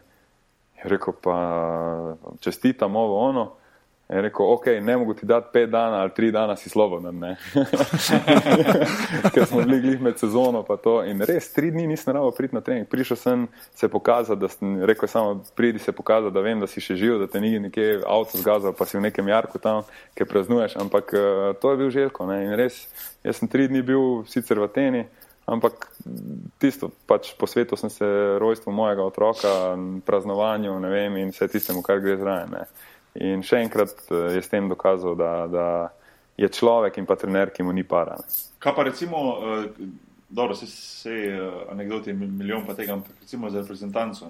Ja. Uh, tudi, recimo, jaz sem podoben, jaz sem take občutke, pa me zanima, če imaš ti podobne. Da, da, Skozi klub smo oba veliko, dosegla, veliko imela, veliko uspehov, pacov, anekdote, zgodbe, se smejiš, jokaš in tako naprej. Ampak recimo skozi reprezentanco, ne sploh ta naša generacija, ko smo bili ti, jaz, Breza in, in Company, da pa v bistvu je pa, so pa nekako, mogoče najlepši spominjali, pa najbolj taki domači, pristni. No. Um, A veš, ti so po sezoni se vidi, biti skupaj, definitivno, skupaj, se, se zabavati, na treningih smeh, po treningu smeh, eh, kdaj na tekmi smeh. Veš, definitivno. Eh, in, in mil, milko, recimo, zraven, eh, pa, pa ta klapa. Ne, um, pa jaz, so... jaz se, gledaj, jaz se, oprosti, ker te tako prekinjam. Vse ti veš. Povej. Veš, kaj je najlepše? Bilo? Jaz sem komaj čakal, da prijemo na roglo gor, pa da se prvi večer sedemo na večerjo ali pa gor v eni sobi, pa začnemo do 4 zjutraj, ne vem, ker ni bilo, vse veš, ni bilo Twittera, ni bilo Mitterja, ni bilo ja, ja. Facebooka, ja. ovo, ono, gor, dol, nego si samo sedel v krogu, pa si, evo, to, jaz sem samo zbiral, ne vem, vse te anekdote, kaj so se v klubu dogajale, žal mi je samo, da jih nisem zapisoval, ker sem vedel, ko prijem reprezentanco, bum, moram postreči z nečim svežim, ne tam, ker če ne bo Milko, itak prednjačo, ne, pa, pa ti, pa ne vem, breza za svojimi. In meni to, ja, to je tisto, kar mi recimo najbolj manjka, no, torej ta reprezentančni del, druženje. Pa kaj je ful pomembno, pa mogoče se zdaj smešno sliši, ampak v materinem jeziku se pogovarjati, pa uh, fore pripovedovati, ja. čist nekaj drugega, kot pa moš tam tujini v angleščini, ali pa v italijanščini, ali ja. pa ne vem, v ruščini, karkoli. Ja. In ja. Uh, res, ti časi so za me zlata vredni bili, pa razno razna potovanja, pa breza na japonskem, ki se ne morejo v WC sest, pa take fore. Mislim, glej, zdaj se zla iz glave desetih spomnil, ampak ja, ja. top, top, top zadev. Ne, to, so, to so take zgodbe, da, da morem. Jaz, jaz bom mogoče, uh, eno, bom, eno zgodbo bom povedal. Um, ki ni bila članska, ampak je bila članska reprezentanca, ampak U20, jaz pa stani smo v bistvu Evropska prvaka U20, se moram pohvaliti iz leta 2000 na Ohridu. Mi smo zmagali, zdaj pa ne, bilo četrti finale, pol finale. Mi smo, spomniš, ko smo po zmagi v garderobo našo Ne da smo jih razturili, ampak pol finale, pol finale, pol finale. Hrvati za piko dobili. Ti si ja. dal na koncu prosti za zmago. Ja, ja, ja, penal, ja, ja. Mi pridemo v finale in mi, normalno 19-20 letni debili, namesto da bi uh, bili ono, skoncentrirani za sedem dan, mi gremo razturiti dobesedno garderobo. Se pravi, pod razturiti pomeni kaj? Uh, Demolirati tuše, vse obešalnike raztrgati, tuše, tuše iz, iz stene vam potegniti, zlomiti vse police, zlomiti vrata, pol za na konci pa klepo še vzel gasilni aparat, pa cel parkirišče z gasilnim aparatom pred dvorano. ja, tako smo proslavili stope finale. Ne? To je bilo to, ne. to je tako, smo mi recimo šli v finale. Ne. Normalno, to je bilo, to je bilo, to je bilo veliko stranje, to je bilo eh, Zoran Martič, je bil takrat trener. Je, je, je odstopil, je odstopil, momentalno je odstopil. Momentalno odstopil, da ne bo trener finala, to je bil razočaran ga tudi razumem zdaj. Uh, potem je polje, polje, polje memi rešil situacijo, da tam najdu neke, neke ljudi, da so to popravili, da smo lahko to plačali neko, da se točno, to točno, ja, mem je urgiral, točno, ja to so take behind the scenes fore. Potem smo šli pa drugi dan mi na teren in postali evropski prvaki. Ne, ampak pozabo si pa glavna stvar, uh, ki se je zgodila, pa isto naslednji dan, torej de demoliramo garderobo. Ja, jo, jo, že vem, kaj pride. Ja, ja, no, se zdaj prijem tja in zoki pride in pravi, gledajte, fanti, jaz ne bom vodil finala, zato ker ste me razočarali. Uh, ne kot košarkaši, ampak kot osebe, to se obnaša tako živali, sem pa tja. Uh, no, v glavnem, tu meni zrihta garderobo v nulo in mu mi pravimo, gledaj, zoki, te bomo pelali, boš videl, da je garderoba tipi topi, tako kot je bila včeraj. In res, garderoba je bila, no, glih ni bila kot včeraj, ampak je bila kar v. Na hitro norma... so jo zaflikali. Ja, dokaj ja. normalnem stanju. Ja, ja. Uh, ampak največji, uh, največja, bom rekel, anekdota, pa hec je bil, da smo jaz pa primož brolih palčka zamudila na finale. Ne? In to zakaj? Zato, ker mi smo celih deset dni igrali FIFO in deset dni sem jaz bil nepremagan na tej FIFI in palčka me premaga tik pred odhodom. Ne? In jaz, valjda, se neko to ne morem sprejeti, ne, ne, ne, to je bila sreča, še eno bomo igrala. Ne? In mi dva odigramo, in jaz ga zmagam, in pridemo dol, misleč, da je bil odhod 15 do 3, nekaj tajega, bilo je pa 2, pa 15 ja, odhod na tekmo. Ja, ja, ja. In mi dva pridemo, ok, vzamemo taksi, zamudimo na tekmo, prije noter. In zoki že itak čisti jezni, ker smo garderobo demolirali, pogledam na dva, ki bi sicer normalno, mislim, smo začenjali v petorki. Ok, zdaj ne bom nič rekel ampak z vami, z vama, dvema turistoma, se bom po tem finalu zmenil. Jaz se obrnem pački, pa pravim pačka, če ne osvojimo zlato, ej, ta nas bo ubil. In res, hvala Bogu, smo vzeli zlato, tako da je bilo vse pozabljeno. Ne? Ampak ja, to je bil ohrid, stari. Res, ja. tudi tud, uh, deset dni topa, ne, Boki. Ja, ja, vrh, vrh. In, vrh. Uh, in taki lepi smini, tudi s to generacijo, s to klapo na koncu. Tudi smo vedeli, da smo celo tekmo zastavili, na koncu je dal Smiljan Pavič. Ja, uh, ti pin. Oziroma, ti pin je popravil. Ja, tako, ja, tvoj, ja. tvoj ti pin je popravil. Tako, ja. e, mislim, da so eh. Izraelci vodili vem, 39 minut, pa 58 sekund so vodili ja, to tekmo. Ja, ja, ja. Neverjetno. Resno, to, to je neverjetno. Ne? neverjetno. Tistega se jaz spomnim, zdaj, ja, zdaj ste me spomnili, da bo klepo tudi tam. Eh, ja, Jaz sem leto še proti njemu igral. Pač, Zelo je bil se, se bom, se bom probo zdaj vseh spomnil, da vidim, če lahko naberem. Dobro, ajde. Mi da sanjem, Brolih, eh, Primoš, eh, Milan Klepo, Smiljan Pavič, Škornik, Zagorac. Uh, Matic, Vidic. Vidic, ja, Vidic, Jokič. Kobe, um, Jokič. Kobe. Uh, Kadič, mislim, da je bil zraven. Elvis Kadič, ja, pa še 12 ja. nam manjka. Za, za, ne, ni bil zadnji, čak kdo je bil 12. Jo, zadelamo nekomu krivico. To mogla naknadno javiti. Ja. Ej, 12, sorry, samo se te ne morem spomniti. na koncu bo nekako najbolj pomembni igralec. Ja, definitivno. Ja, ampak ja, to je, um, to je bilo en najlepši spomin, sigurno. Um, Anže, naslednje vprašanje, vem, da tebe že ful matra. A ja, ne, mislim, ful matra. Mislim, meni je ta Iran. Ja, ne, zdaj, ne, vele, zdaj pač malo povej, kako je bilo tam igrati. Ne? To itak. Ampak res, kako je bilo tam igrati? Joj, težko, ni bilo. Res, tem, sem se tudi jaz nisem še s tabo sam nič kaj preveč pogovarjal. Ja, nismo imeli niti časa, ne, niti priložnosti. Časa, ne, jaz mene fulho zanima to. No. Poglej, no, jaz sem mislil, no, gled, moram začeti na začetku, kako se je vse skupaj začelo. Začelo se je tako, da sem šel Memija obiskati na en turnir, ki so oni igrali v Istanbulu in tam me nek njihov, ne vem, vodja puta ali kaj je bil zraven, čistko na eni večeri vpraša, A ti bi prišel igrati v Iran, ne? in jaz zdaj valjda ne, ne užalim nobenega. Jaz pravim, seveda, se igrate na dva koša, ne? tako vse posod po svetu. Ne? In on pravi, ja, in ok, ne? pri tem se konča za mene. Na kar me memi, če 14 dni kliče, pravi, hej, te so resni, spet so prišli k meni, pa me sprašujejo, če bi ti prišel igrati. Ne? Jaz pravim, pa ja, valjda bi, ne vem, zdaj pa spet tako, da ne bomo zdaj neuljudni. Se neko vdari ti neko cifro tam, glih tok, da jih na lep način odbijemo. Ne? Eh, na kar čez en mesec eh, se zopet oni javijo in pravijo, da okay, to je preveč, kar si iskal, ampak če bi ti res bil pripravljen, bi se mi bili zelo pripravljeni potruditi, pa ti dati nekaj, ampak moramo vedeti, da ti prihajaš sem. No, in jaz se začnem tu z njimi pogovarjati in pravim, gledajte, mene zanima, zato ker oni meni pravijo, živel boš v Teheranu, itak potujemo, ne vem, to azijsko prvenstvo, pa gremo v Katar, pa gremo. Uh, ne vem, vse posod potujemo, tako da smo več ali manj skos na potovanju, in ni problema. Uh, Uh, in jaz pravim, ok, da bom jaz prišel k Memiju na obisk deset dni, pa bom malo streniral z vami, da vidim, kak je in bomo se zmenili. Ne? In res, jaz pridem dol, naredim tri, štiri treninge, oni pravijo, to je to, jaz pravim, Teheran, super, gledajte, Teheran je fenomenalen in recimo vsa ta antipropaganda, ki je z ameriške strani narejena in dela full krivico, ker se najbolj normalno živi in je mesto res top, tako da sem rekel, gledaj, super.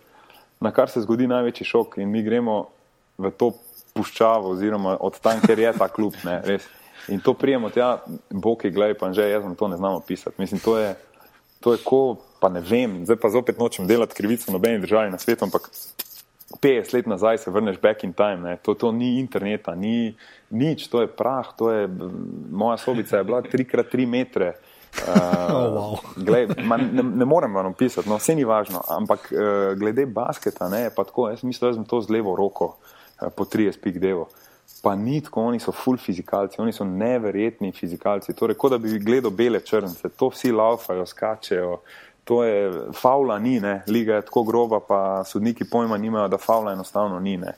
In no, uh, ti povem, da sem na začetku imel, vse veš, nižje, ko greš v lige, teže je igrati, še posebej za nekoga, ki je navajen Eh, ne vem, ob sebi imeti štiri dobre svoje igralce, pa uh, čisto igro, pa tako dalje. Tako da mi je na začetku mi bilo ful, ful, ful težko. No. Potem sem se pa navadil, pa sem se nekako mogel vrniti v basket, ki smo ga mi igrali pri kadetih. Torej, ne vem, daj koš, takoj ko lahko daš koš, pa leti nazaj, pa brani, ne, čistko po domače ja, povedano. Ja. Uh, ampak gledaj, liga na koncu ti povem, uh, še posebej ta finalna serija proti Milkotu pa Memiju. Uh, sploh ni bila slaba, je bil kar, bom rekel, tako en srednje, visok rang kvalitete. No. Škaj, škaj me zanima, um, da jim malo pove več, več o, o samem mestu v Iranu, recimo v Teheranu. Recimo, ja, se, jaz se čisto verjamem, da je to lepo mesto in tudi prav si rekel, da verjetno Zahod dela, jih dela veliko slabše, kot pa recimo je, čim, mislim, mesto kot samo in kaj lahko nudi. Ampak recimo, uh, kako je tam življenje, recimo, lagiš recimo, v shopping center, lagiš v restauracije, normalno eh, naročiš nekaj, te bojo razumeli, recimo. Uh, Kako je recimo za enega tujca tam težko, da se navadi tam živeti? No, čeprav dobro, ti nisi bil v teh krajih, ampak vseeno, no, življenje tam. Veš. Pa pustimo se to, da si ti bil recimo ven iz mesta, pa da si bil odmaknjen, ampak recimo za samo, za samo to vele mesto. Ne, ne dajmo se zdaj skoncentrirati na Teheran, uh, ja. pa ti bom potem povedal ja, za vse, vse ostale. Ampak gledaj, Teheran kot tak, uh, Bog je tudi Istanbul 10 ali pa 15 let nazaj. Evo, aha, čisto tako, na, na najbolj, kaj ti lahko primerjam zadevo, je, je kaotično mesto, ker je pač 20 milijonov ljudi. Uh, ne vem, pravil na cesti ni, uh, in vsako sekundo misliš, oh, šit, to je pa zdaj to, da si konec, prešteješ, ne vem, vse in rečeš, da bom pa umrl na cesti. Ampak Recimo, vse, ti, ti, si vo, ti si vozil tam, si imel avto. Ne, si nor. Enkrat sem vozil, pa še to je bil državni praznik, eh, noben ni smel iti na cesto, takrat sem se jaz sedel v avto, pa sem šel en krok, tam sem rekel, to, da, da ne pozabim voziti. Ne. Ja. Ampak ne, gledaj, te hran, ma ni, da ni, imaš vse, imaš uh, restauracije, top restauracije, italijanske, ne vem, hočeš suši, imaš suši, hočeš indijsko hrano, imaš indijsko hrano. Ni, da ni. Uh, prosti, prosti, kaj pa recimo te, te, te zahodne uh, fast food variante so? So, so samo neki, ki ne smejo biti, ne smejo biti označene kot ameriško. Ne? Torej, recimo KFC Aha. je, ampak je kiš fried chicken, kiš je pa en otok, ki je tam. Ne? Uh, pol imaš recimo, ja, ja, pol imaš. Lepa. Kaj da po naredke gledal? čist, ne, čisto, recimo, ameriško ne sme biti nič, ne? ameriško ni nič, to je res. Uh, dobiš pa vse, torej imaš uh, hamburgere, takšne in drugačne, potem chicken, te hitre prehrane, 100 milijonov.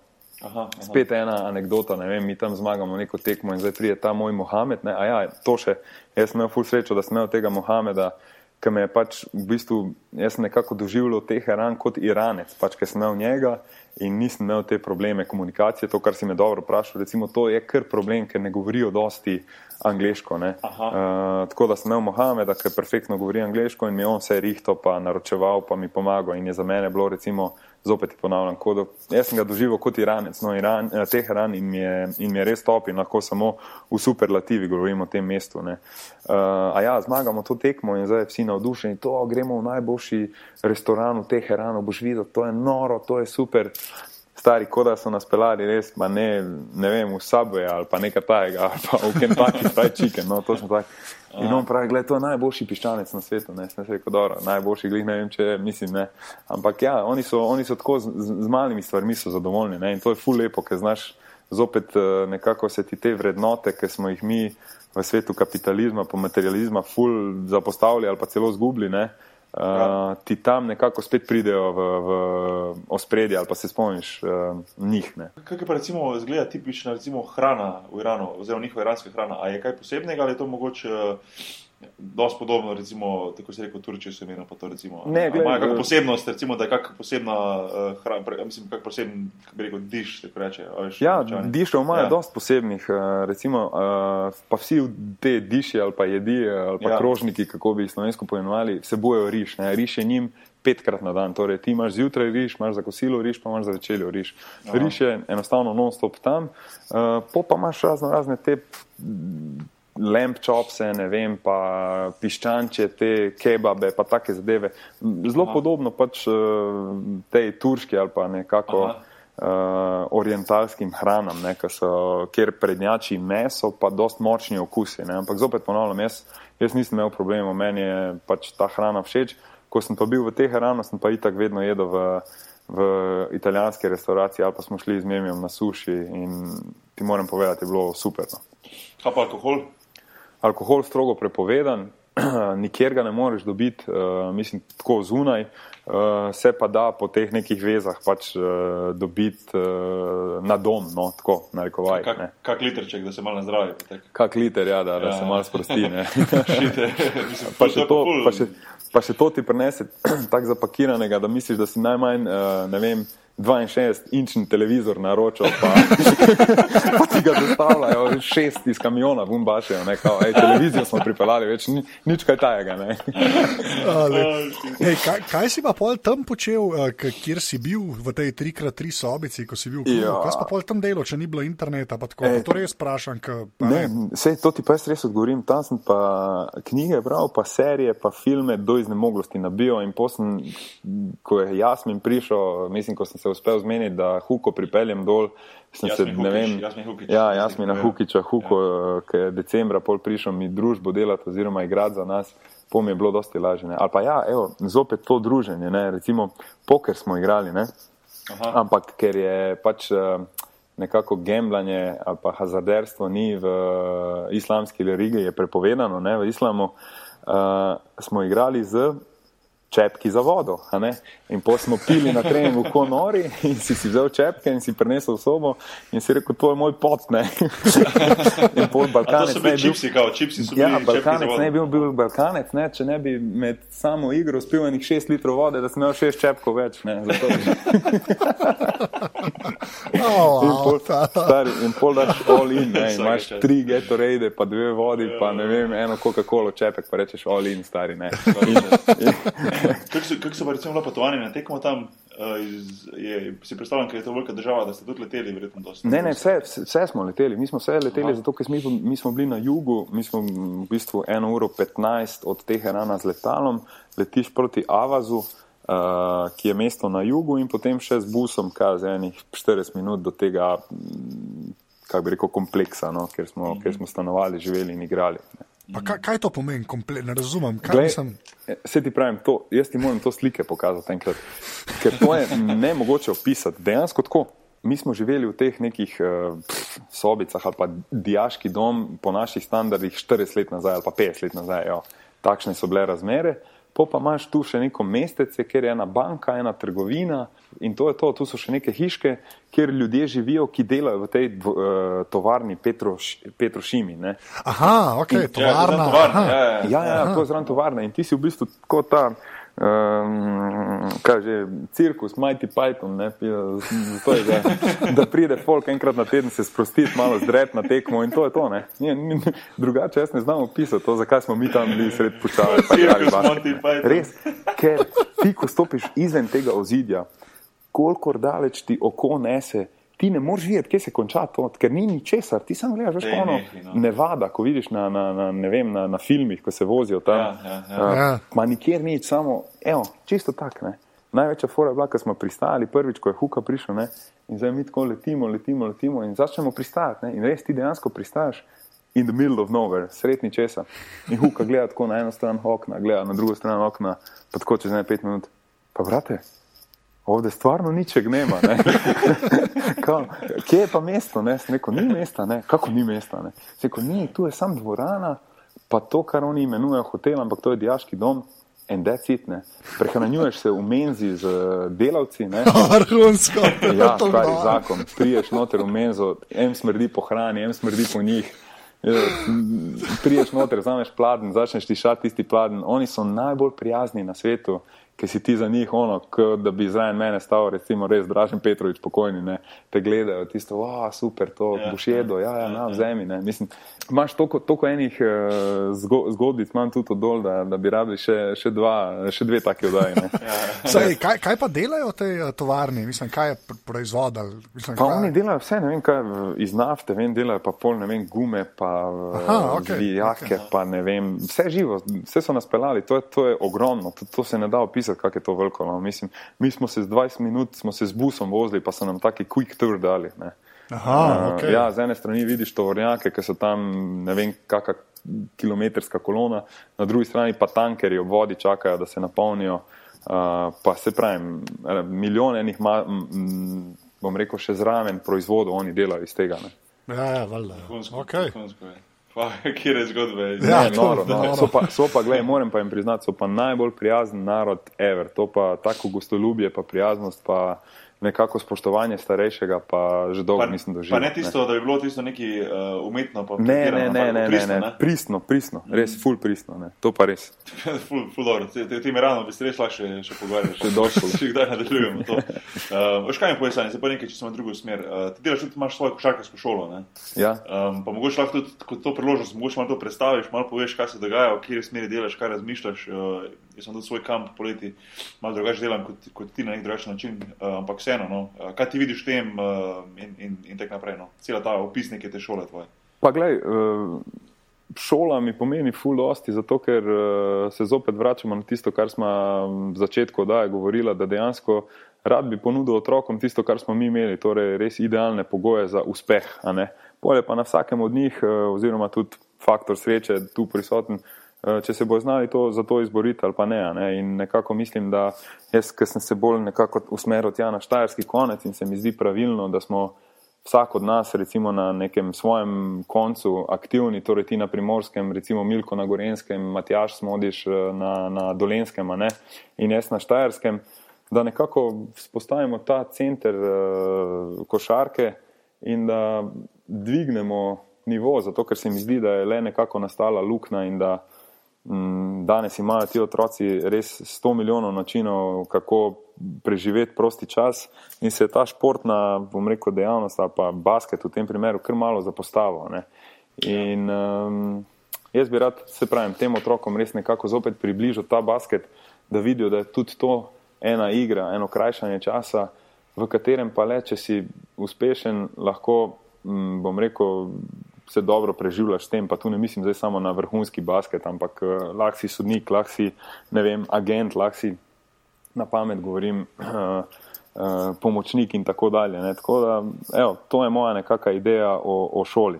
Ja, se, se to, to se je zelo dobro povedal, da, da vsak ne bo postal profesionalni košarkar. Vsak, ki, igra, ki ima rad to igro, ne bo mu uspelo, da postane profesionalni športnik. Ne? Ampak je pa full ful dobro je lahko vseeno ta športna pot, če ostane v športu. In tako si sam rekel, ali je, ali, ostane, ali, ali recimo v kakšnem klubu, kjer pomaga recimo razvoj košarke, ali potem postane trener, ali postane, tako si sam rekel, sodnik, tako naprej. Ne, da so, da so nekako povezani s tem športom, da, da, da so v tem zdravem okolju. Tako da, um, lej, pohvalno, ful in, uh, in te razumem čist, ker res delam iz istih, nekak, iz istih motiv, motivov svoje stvari. Pa še ena stvar, recimo, ki pri nam, še posebej, naj, še posebej za te najmlajše, se dosti dela v tej smeri, je uh, sama motorika. Ne? Jaz, recimo, kot otrok, ko sem odraščal, sem igral vem, odbojka, nogomet, ping-pong, uh, ok, košarka. Uh, uh, kaj, med dvema ognjema, ma, ni, ni da ni. Ne? Ja, razviješ vse, vse, športe, ja, razviješ vse te motorične sposobnosti, nekako spoznaš na konc koncu pravila vseh teh športov, da, da jutri ne boš eh, en tam, bom rekel, zagrenjen, forumaš.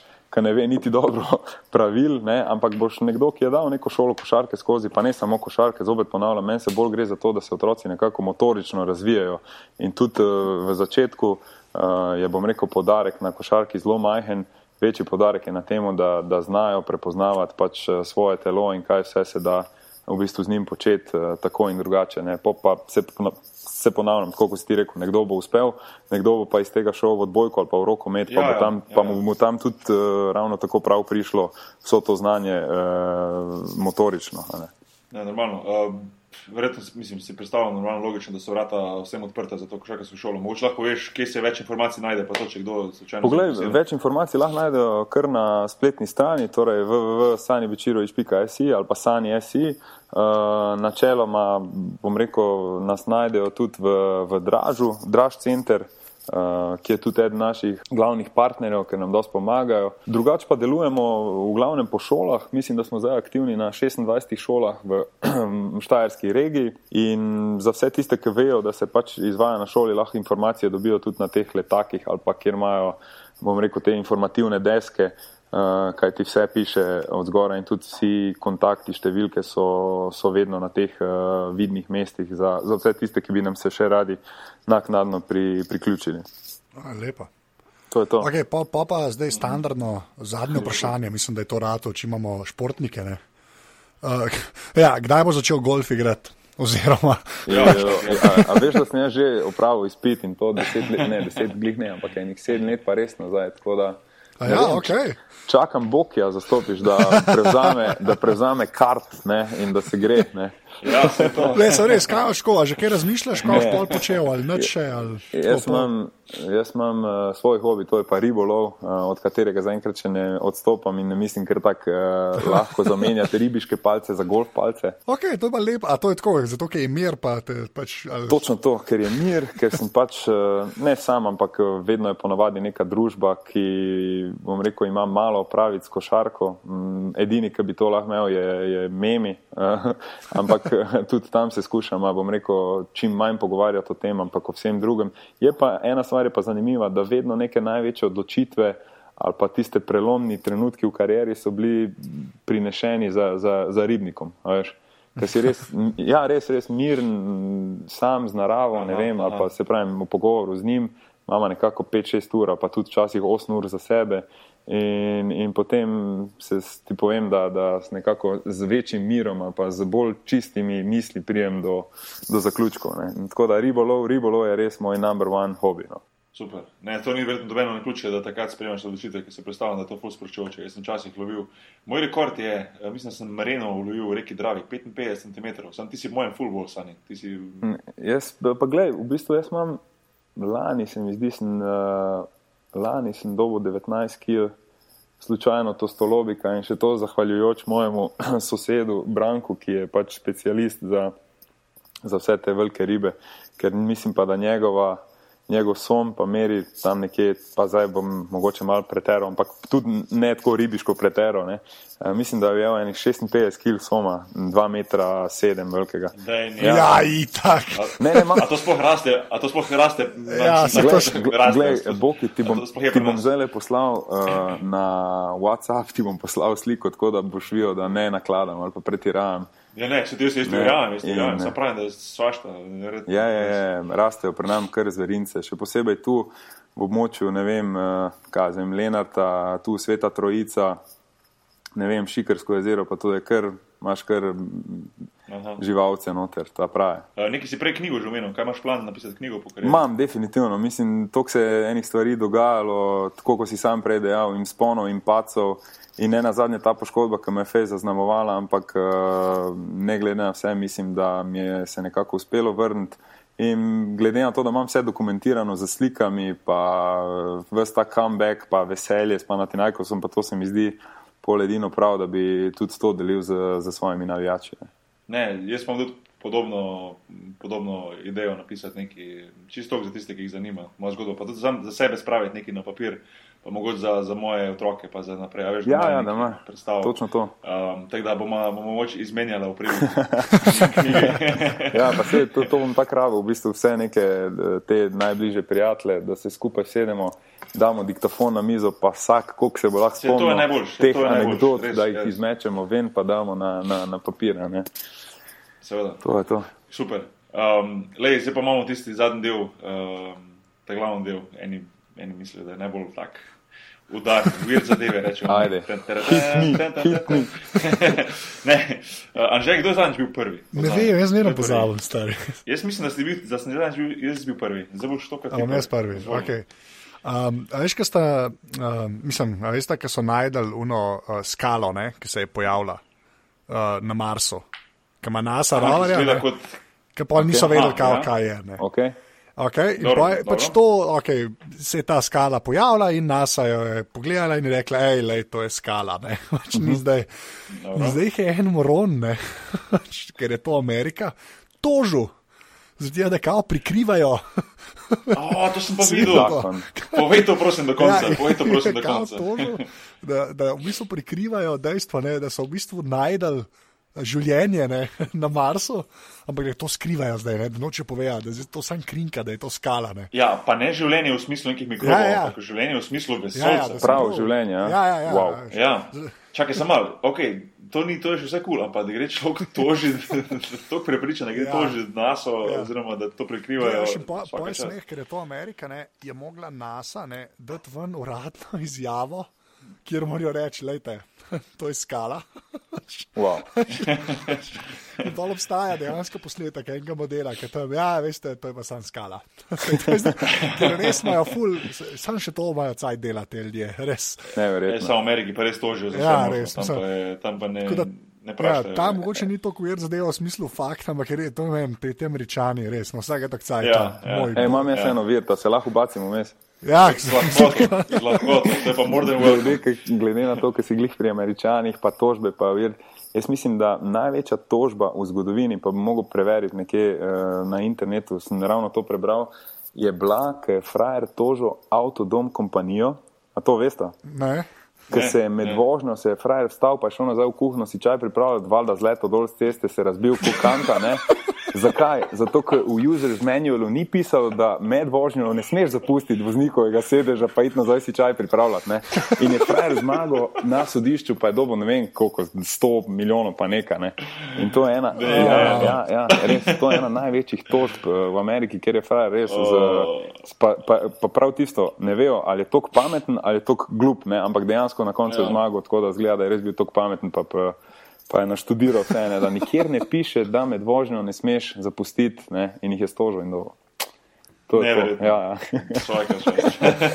to, to pa še zraven to, da ja, ne. Pa, pa bom šel pa, pa, šel pa to googlati, pa bo to isti model, ki zdaj nas otoči. Ker nas otoči, ja, ja, ja. ker sam čakam. ja. Um, okay, ja, evo, jaz, sem pa, jaz sem pa tudi nekaj z vesoljem povezan. Um, pa tudi z ribolovom, ki se jih nanaša na, na Sanja in na tvojo prejšnjo vodajo, ko si ti umenil ribe. In sicer, uh, zdaj boš spet rekel, že ti, ah, ti Japonci, ne, ker so zmeraj Japonci. Uh, Maj pa idejo, da naredijo novodobni space fishing. Zdaj poslušaj, kaj je to. Ne, ne vem, se to, se to zasadilo. V glavnem. Uh, Japonci, ne, um, oziroma Jap Japanese Space Agency, ima idejo, da naredi v vesolju, da v orbito postavi gor nekakšen magnetic net, se pravi magnetno mrežo, ki naj bi zbirala skupaj ta space jump. Um, se pravi, v orbiti okoli Zemlje je ogromno, mislim, tu piše, da je več kot 100 milijonov manjših malih delcev, ki, um, da, da odkrožijo okoli Zemlje.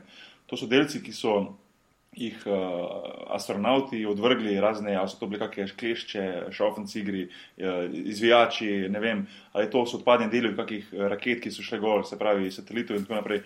In teh je zdaj že tako veliko postavo, da se pač bojijo, da bi v naslednjih letih lahko začelo to uvirati uh, komunikacijske satelite, GPS satelite, vremenske, vremenske satelite in tako naprej.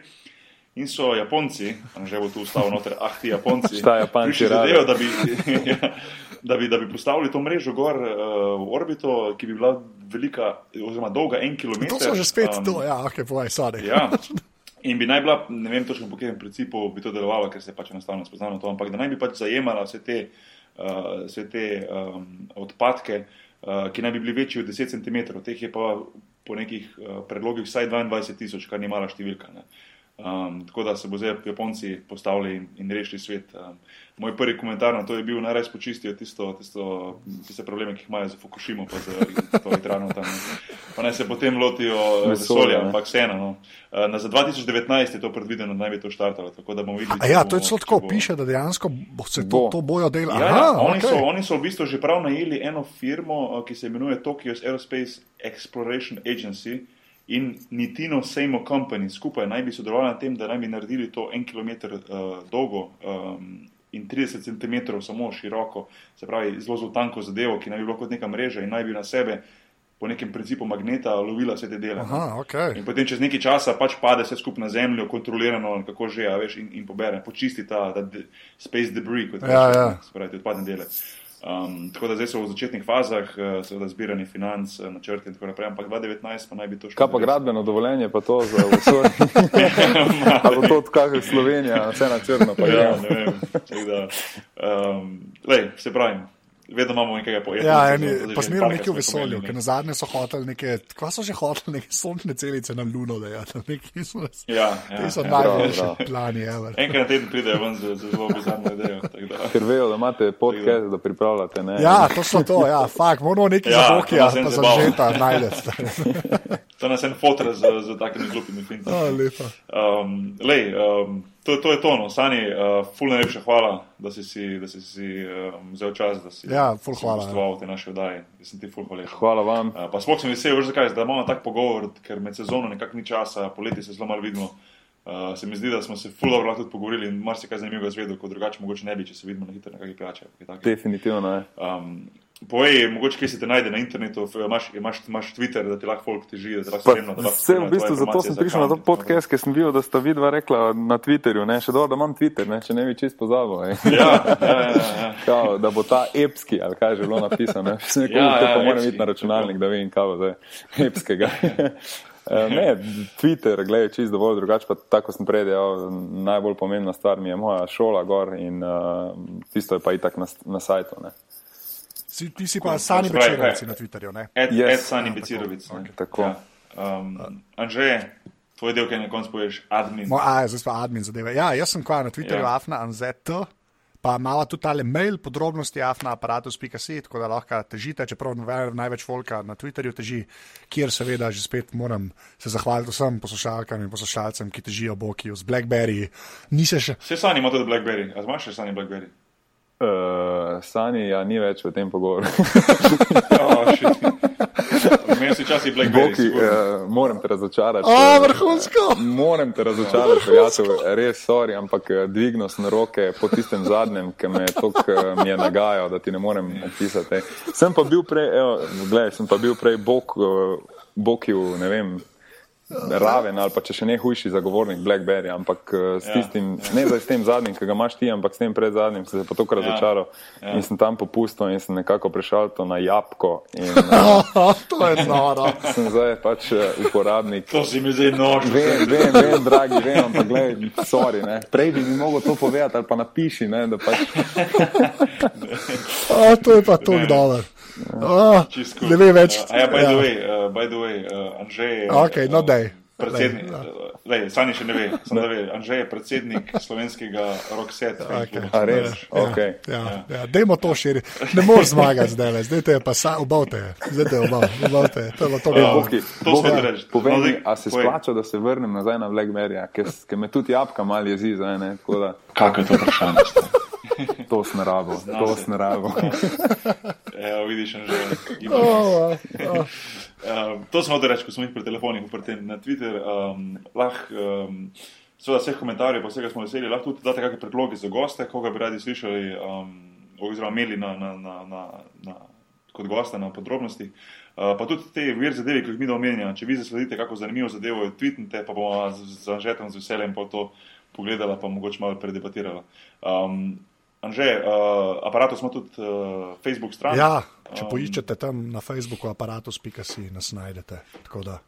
Ja, to je dobro, da ti spomniš, kje to zmeraj pozavem, ta Facebook. Ja, da še enkrat povedal na koncu, samo kako se lahko ta tvoje udestovanje pri podcestih, da se lahko odpre. Uh, Ker to je zdaj že ena taka orang mreža petih podcastov različnih naših, samo en mali mozaik v tem, uh, ampak da poveš enkrat. Uh, ja, če greš na aparatus.si slash podpril, lahko tam date ali 4 ali 8 ali pa 12 evrov na mesec in s tem se pač pol financira vse, kar delajo čisto vsi, ki delajo.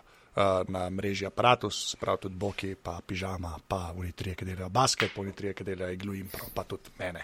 Tako da. Ja. Super. super. Um, ne samo za naprej, še povedal, uh, naslednje podrobnosti se pravi čez 14 dni, uh, se pravi 24. februarja. Um, pod gosta Matej Hočevar in pa Žiga Urh, uh, sta gonilne sile, uh, Bigger Ground, uh, CrossFit Center v Ljubljani.